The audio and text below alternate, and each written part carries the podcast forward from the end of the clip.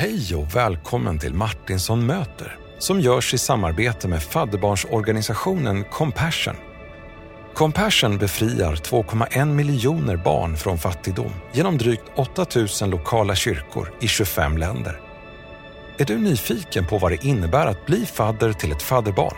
Då kan du läsa mer på compassion.se där du också kan signa upp dig direkt för 310 kronor i månaden. Gör det! Nu till dagens avsnitt där vi ska få ta del av bibelundervisning.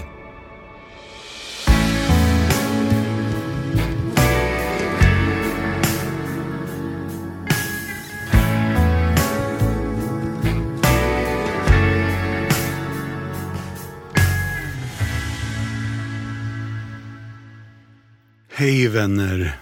Välkomna tillbaka till Martinsson möter. För er kanske det inte känns som att det är tillbaka, för podden har ju pågått hela sommaren, men jag spelade in sju avsnitt på rad och sen gick jag på semester. Så för mig är det lite grann att vara tillbaka. Det är gött att få möta er via den här kanalen igen. Och tack alla ni som har hört av er under sommaren. Det har varit jätteroligt att höra. Sänd gärna in vad ni har upplevt, vad ni har hört, vad ni har tänkt på kring poddarna som har varit. Nu inför den här nya terminen så hade jag planerat en viss undervisning. Men under sommaren har jag upplevt att min kompass har blivit lite korrigerad. Så jag ska dela några andra grejer istället. Några grejer som jag tror ligger på Guds hjärta för oss i den tid vi är just nu. Rubriken på det jag vill säga nu och i poddarna lite framåt här är Bästa vägen ut ur en kris. Vad är bästa vägen ut ur en kris? Jag är medveten om att det finns olika sorters kriser och därför olika vägar ut ur dem. Johan Kullberg som är ju liksom svensk psykiatris nestor har ju definierat en traumatisk kris som en situation där en person psykiskt känner att hans eller hennes fysiska existens, sociala identitet och trygghet eller grundläggande livsmöjligheter är hotade. En sån traumatisk kris kan delas in i fyra faser enligt Kullberg. Chockfasen, reaktionsfasen, bearbetningsfasen, nyorienteringsfasen och hur spännande allt detta ändå låter så är det inte riktigt det vi ska prata om nu. För jag tänker mig, du som lyssnar kanske står i relation till den kristna tron och Kristus och krisen. Hur ser lösningen på låsningen ut där? Det är därför jag vill ta med dig till några bibeltexter. Och framförallt vill jag inleda med en vers. Vi ska läsa Apostlärningarna 27. Och jag önskar nästan att du har med dig din bibel när vi läser idag. Jag ska börja med en vers, men sen kommer vi återkomma till flera versar ifrån det här oerhört dramatiska, actionfyllda kapitlet. Men först läser vi Apostlagärningarna 27 och vers 20. Det är en vers som sammanfattar en stor storm, höga hinder och en djup kris. Lyssna nu då, vers 20. Varken sol eller stjärnor syntes på flera dygn och den starka stormen låg på så att vi till sist förlorade allt hopp om räddning. Det här är ingen liknelse. Det här är inget hittepå. Det är ingen saga. Det är ingen mystisk mytologi, utan det här är läkaren Lukas som ger en klassisk referens. Och det finns till och med de som tycker att den här texten är så oerhört välskriven så de nästan tror att den kanske inte är sann. Men Lukas använder orden vi. Han har alltså själv varit med om det han berättar. och varken sol eller stjärnor syntes på flera dygn. Det fanns alltså ingen kompass. Det var ingen som visste riktigt hur letar vi oss ut ur den här coronakrisen. Är ni med mig? Och den starka stormen låg på. Och Lukas har själv varit troende och rest med Paulus i många år. Och han säger att till sist förlorade vi allt hopp om räddning. Vi förlorade allt hopp om räddning. En enda vers att predika över. Och den här versen beskriver läget för aposteln Paulus och alla hans medresenärer och de är på väg till Rom och Paulus har vädjat till kejsaren och förts som fångelse, fånge från Caesarea över Medelhavet. Stormen blåser upp, skeppet är på väg att förlisa och de vräker lasten över bord. Men skeppet fastnar på en sandbank och alla får ta sig i land på en ö som visar sig heta Malta. Där tas de emot med stor vänlighet och generös gästfrihet. Den här korta versen beskriver alltså en krissituation där människorna 1. inte ser klart, 2. hotar eller hotas av en storm som ligger på och 3. där allt hopp tycks vara ute. Då undrar ju jag, 2021, är inte det här en vers som lite grann beskriver situationen i världen?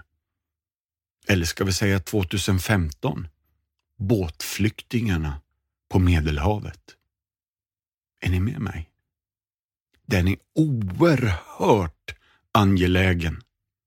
Jag vet inte om du är en filmfantast, men de av er som lyssnar på podden vet att jag är det. Det finns en gammal rulle med George Clooney, Mark Wahlberg och Mary Elizabeth Mastrantoni och Diane Lane och med flera, med flera. Den heter The Perfect Storm. Och den pratar väl om en båt som heter Andrea Gale, någon fiskefartyg som förloras till sjöss utanför Gloucesterkusten i Massachusetts. Men där är ju inte riktigt vi i Sverige idag. Men ändå kan den där filmen på något sätt säga oss någonting om våran life story, hur vi har det just nu. Lyssna här. Det finns en engelsk söndagsskollärare som delade ut biblar till alla barnen och så har han bett dem skriva in sina namn i början. Och under namnet så fick de gärna skriva om de har tagit emot Jesus som sin frälsare. Och då skulle de i så fall skriva I accept Jesus. Men då var det en liten pojke som skrev fel. Men han skrev då I expect Jesus. Jag förväntar mig Jesus och det är det jag vill ta med er in idag. Likt Paulus, läkaren Lukas och de andra på båten står vi inför någonting som vi inte riktigt själva klarar av eller rår på. Och gång efter annan i evangelierna, och jag skulle säga genom hela Bibeln, så är det någonting med havet, med vattnet, makten med kaosmakterna redan i första Mosebok. Översvämningar, Röda havet, från kaos till frihet. Och Jona bok är väl kanske den mest klassiska som du ser. Det kommer återkomma i dagens Apostlagärningarna 27. Och jag skulle också vilja säga dopet i Nya Testamentet är en renande befrielse. Där vi får lite grann lägga av oss kaoset och framför allt ikläda oss Kristus och korsets försonande, frälsande kraft. Nu då, tillbaka. Jesus har för avsikt att använda varje storm i allas våra liv till att rena, rensa, röra om oss och kanske skaka om oss lite grann. Så därför tror jag Kullberg är jättebra. Lyssna och läs. Men det finns också i den här tiden en faslig massa råd. Jag vet inte om ni har märkt det, att det är självutnämnda experter på Facebook eller troll på Twitter som har risiga råd att ge. Och när vi kommer till Apostlagärningarna 27 så är det lite skönt att se att ja, det var likadant där och då som nu. Och inledningsvis så vill jag bara nämna de här risiga råden. De lyssnar på, vad ska vi säga, världsliga råd. Och det är dumt att lyssna mer på världsliga råd än ett gudfruktigt tilltal. Är ni med? Det är dumt att lyssna mer på världsliga råd än ett gudfruktigt tilltal. Och ni kommer att förstå ju mer vi läser i texten vad jag menar med det här. Men nästa dumma råd att lyssna och följa, det är dumt att rösta med hedningarna om kristna frågor. Vi behöver helt enkelt inte kopiera majoriteten. Och det sista av de risiga råden, det är osmart att försöka, vad ska vi säga, ta saken i egna händer utan att be om Guds hjälp och Guds ingripande. Så ska vi sammanfatta den här lilla inledningen så är det faktiskt farligt att ta beslut när andlig urskiljning ignoreras. Och det är farligt att fatta beslut när själviska önskningar är involverade, men framförallt när de är prioriterade. Därför att jag har ju också en agenda tyvärr, en egen önskan, som kanske står i kontrast till din. Och kanske båda våras önskningar står i kontrast till Guds.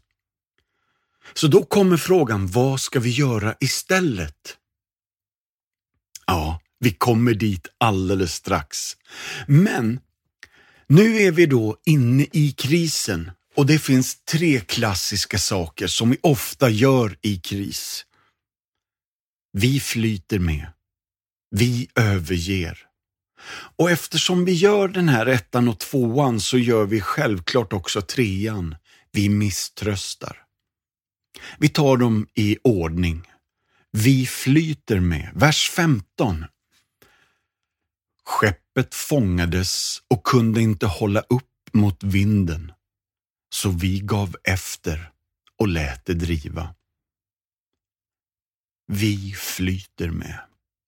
Istället för att liksom hålla krisen stången så orkar vi inte och så bara på något sätt jamsar vi med.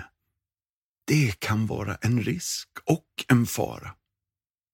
Och om vi flyter med så finns risken att vi överger. Lyssna på vers 18 och 19. Vi var hårt ansatta av stormen. Dagen därpå började de vräka lasten över bord och på tredje dagen kastade de med egna händer skeppets utrustning i sjön. Jag är ingen fiskare, jag är ingen liksom båtsman, men jag tycker att kasta last över bord, ja, det gör väl båten lättare. Men att kasta skeppets utrustning i sjön. Alltså, hör ni här? Det är alltså riktiga sjöbjörnar som kastar inte bara fiskeutrustningen utan båtgrejerna hamnar i vattnet. Det här säger mig någonting om rädslan och att de på riktigt väljer att överge det de faktiskt vet är rätt. I det läget så misströstar de. Lyssna på vers 20. Den här har du redan hört. Varken sol eller stjärnor syntes på flera dygn och den starka stormen låg på så att vi till sist förlorade allt hopp om räddning. Ordet räddning i Nya testamentet är lite av en livboj. Hörde du ordet livboj? Man håller, sig, man håller sig alltså vid liv vid den här bojen. Och det gammaltestamentliga ordet för den räddningen är Hosianna. Jag vet inte om du känner igen det, men det är vad folket ropar när Jesus rider in i Jerusalem.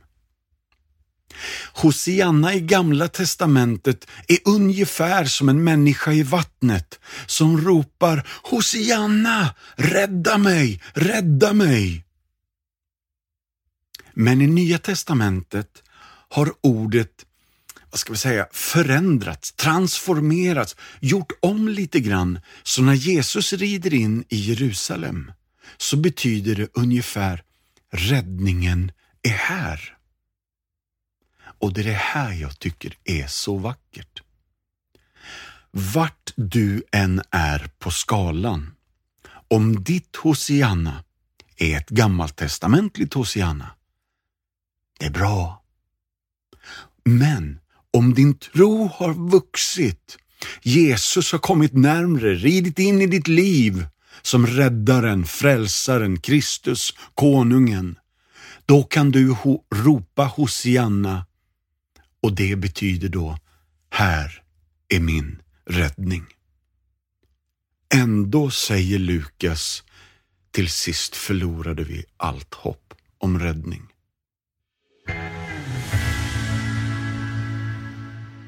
Nu så blir det en liten paus från undervisningen och du ska få höra om vad Compassions arbete gör för skillnad i ett barns liv på riktigt.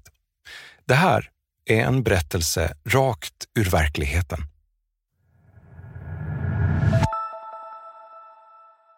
När Freddy i El Salvador var en liten pojke så kunde han inte föreställa sig att han en dag faktiskt skulle kunna bli läkare, även om han drömde om det. Men när han fick en fadder så fick han också möjligheten att genomföra utbildning och han fick motivation till att följa sin dröm.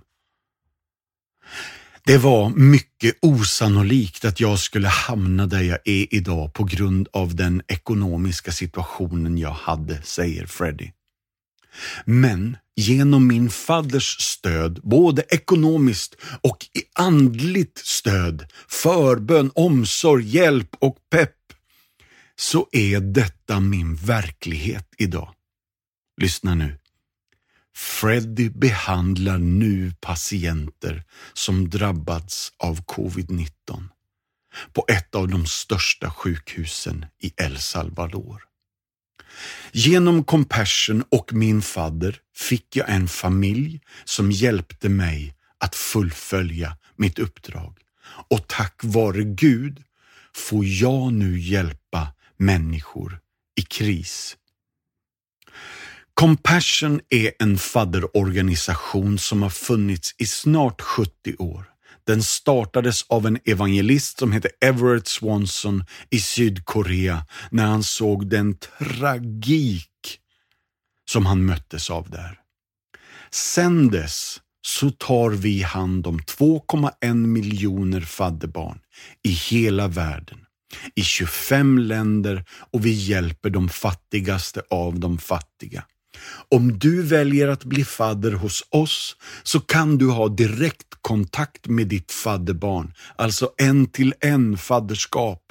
Och vårt uppdrag det hittar du i Markus evangeliet 16 och 15. Gå ut i hela världen, predika evangelium för hela skapelsen. Så, som svar på missionsbefallningen existerar alltså vi som en förespråkare för barn i nöd för att frigöra dem från andlig, ekonomisk, social och fysisk fattigdom. Och vi vill vädja till dig att tillsammans med oss fortsätta och förvandla liv. gå gärna in på vår hemsida och bli fadder idag. Vår värld är i ett stort behov av dig och din hjälp, din omsorg, din insats och din förbön. Compassion.se Jag sa ju lite tidigare att nu ska vi komma fram till, okej, okay, då har vi förstått vad vi inte ska göra, vad vi inte borde göra. Men vad ska vi göra nu då? Här kommer tre klassiska saker som vi borde göra i kris. Kasta ankar. Påminna oss om Guds trofasthet. Och lyssna efter ett tilltal. Vi tar dem i ordning igen. 1, 2, 3. Kasta ankar, vers 29. De var nu rädda att vi skulle driva på något skarpt skär, så de kastade ut fyra ankar från akten och önskade sen bara att det skulle bli dag. Jag har ju redan erkänt att jag inte är någon fiskare. Jag vet inte om det är klokt att slänga ut fyra ankar i akten, men det handlar nog om någonting av att vi ska i alla fall inte längre fram. Så någonstans är det att kasta ankar och att hitta ett säkert fäste som Hebreerbrevet pratar om. Gång efter annan så pratar Hebreerbrevet om att Kristus Jesus är vårt säkra fäste som når innanför förlåten, som håller taget i oss och som gör att vi är fast förankrade i någonting som inte rubbas. Vi har en liten eh, motorbåt. En gammal gubbåt från 1983, en hardtop 495. Vi har ett litet ankare och ibland slänger jag i det. Det fäster ofta, men inte alltid. Här uppmanar texten oss att leta efter ett fäste som håller. Det är Jesus. Och jag tror att vi behöver kasta ankar, som Hebreerbrevet säger, innanför förlåten. Det är mycket bildspråk här och jag bjuder på det idag. Men det var den första då. Två. Påminna oss själva om att Gud är med. I vers 21 och 22, så det här är en av mina favoriter faktiskt. Ingen hade nu ätit på länge. Då steg Paulus fram mitt ibland dem och sa, ni män skulle ha lytt mitt råd och inte gått ut ifrån Kreta. Tack för den du, mitt i krisen så kommer någon och lägger bara eh, eh, säga, lök på laxen eller liksom bara överdriver problematiken men han slutar inte där. Då hade ni besparat er den här skadan och förlusten. Ja, han fortsätter lite till, men, och så säger han, men nu uppmanar jag er, fatta mod. Inte en enda av er ska mista livet. Bara fartyget ska gå under. Alltså, påminna oss om att Gud är med även i och igenom det här. Israels folk igenom hela gamla testamentet ger oss ett underbart och utmanande exempel att följa. Vad har Gud gjort i historien? Just det, han har varit med. Han har varit trofast. Han har hållit sina löften. Just det, sån är han. Så även om vi är trolösa så säger, jag tror det är Timoteusbrevet, att han kan inte vara trolös för han kan inte förneka sig själv. Så han kommer att vara trofast. Så hans godhet och hans löften står inte i paritet eller i relation till min trofasthet och överlåtelse, utan i hans persona, hans karaktär är trofasthet. Så ta det till dig. Påminn dig om, kasta ankar, just det, Gud är ju med. Och i det läget så har vi den tredje punkten då. Lyssna efter ett tilltal. Här är vers 23 till 25. En ängel från den Gud som jag tillhör och tjänar stod nämligen hos mig i natt och han sa var inte rädd Paulus. Du ska stå inför kejsaren och alla som seglar med dig har Gud skänkt dig. Så, fatta mod ni män. Jag litar på Gud, att det blir som han har sagt mig. Jag bara älskar att man i stormens öga, höll på att säga, mitt i denna galenskap och crescendo av virvar och vindar som fullständigt blåser sönder. Så letar man efter den stilla rösten. Vad säger Gud mitt i allt det här? Jag säger inte att det är enkelt att höra hans röst, men det går. Och Guds ord är fullt av sådana här löften som gäller dig och mig och oss och de gäller nu. Vad ska vi göra då? Jo, vi ska tillåta Gud att tala till oss. Jag måste bara få citera en av mina absoluta favoriter i Gamla Testamentet. En kille vars livssituation gick fullständigt åt skogen. Totalt. På alla områden. Han hette Jobb. Och i kapitel 38 och vers 1 så finns det en sån smärtsamt vacker och lite poetisk beskrivning av hans helvetesresa och slutet på den. I Jobb 38 och 1 står det Herren svarade Jobb ur stormvinden. Ta till dig det löftet idag. Herren svarade Jobb ur stormvinden. Om vi lite grann ska gå ner för landning så kan det vara tre bra saker att komma ihåg inför framtida kriser. Vers 35 och 36, då står det så här. När han hade sagt detta tog han ett bröd, tackade Gud inför dem alla, bröt det och började äta. Då fick alla nytt mod och tog sig mat de också. I den här texten så hör jag Ska vi hålla kvar evighetsperspektivet? Eller ska vi liksom köra mikro? Jag tror att uppmaningen är leta efter makro, det stora perspektivet. För det är där liksom, jag vill säga, Gud är. Det är så han ser på situationen.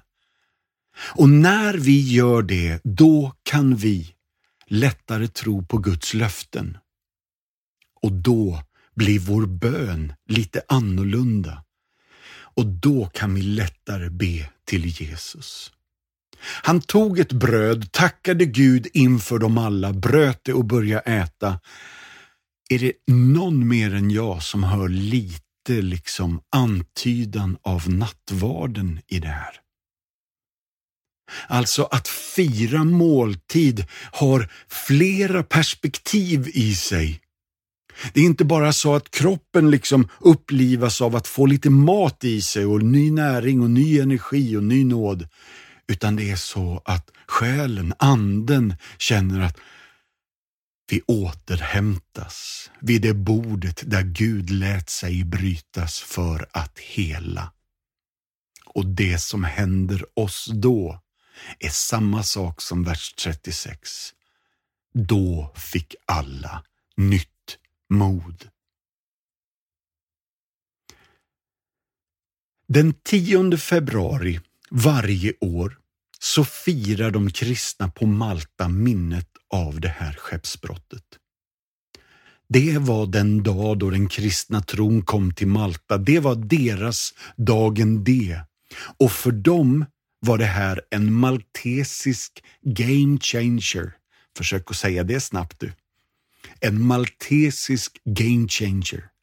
Där förändrades hela planen, hela upplägget, hela nationen. Och det finns också en kyrka som heter Paulus skeppsbrottskyrka. Jag predikade i Bottnaryd för någon vecka sedan bara och då fick jag höra att jajamensan, några som var på gudstjänsten hade minsann varit i den här kyrkan. Den 10 februari lirar alltså hela Malta lovsång till att Gud kom till landet. Gud räddade folket. Men du, det här var ju en kris. Det här var ju en krasch. Det här var ju inte så det var tänkt att vara, att fångarna skulle flyta i land och Paulus skulle bli biten av en orm och allting på något sätt skulle... Är ni med?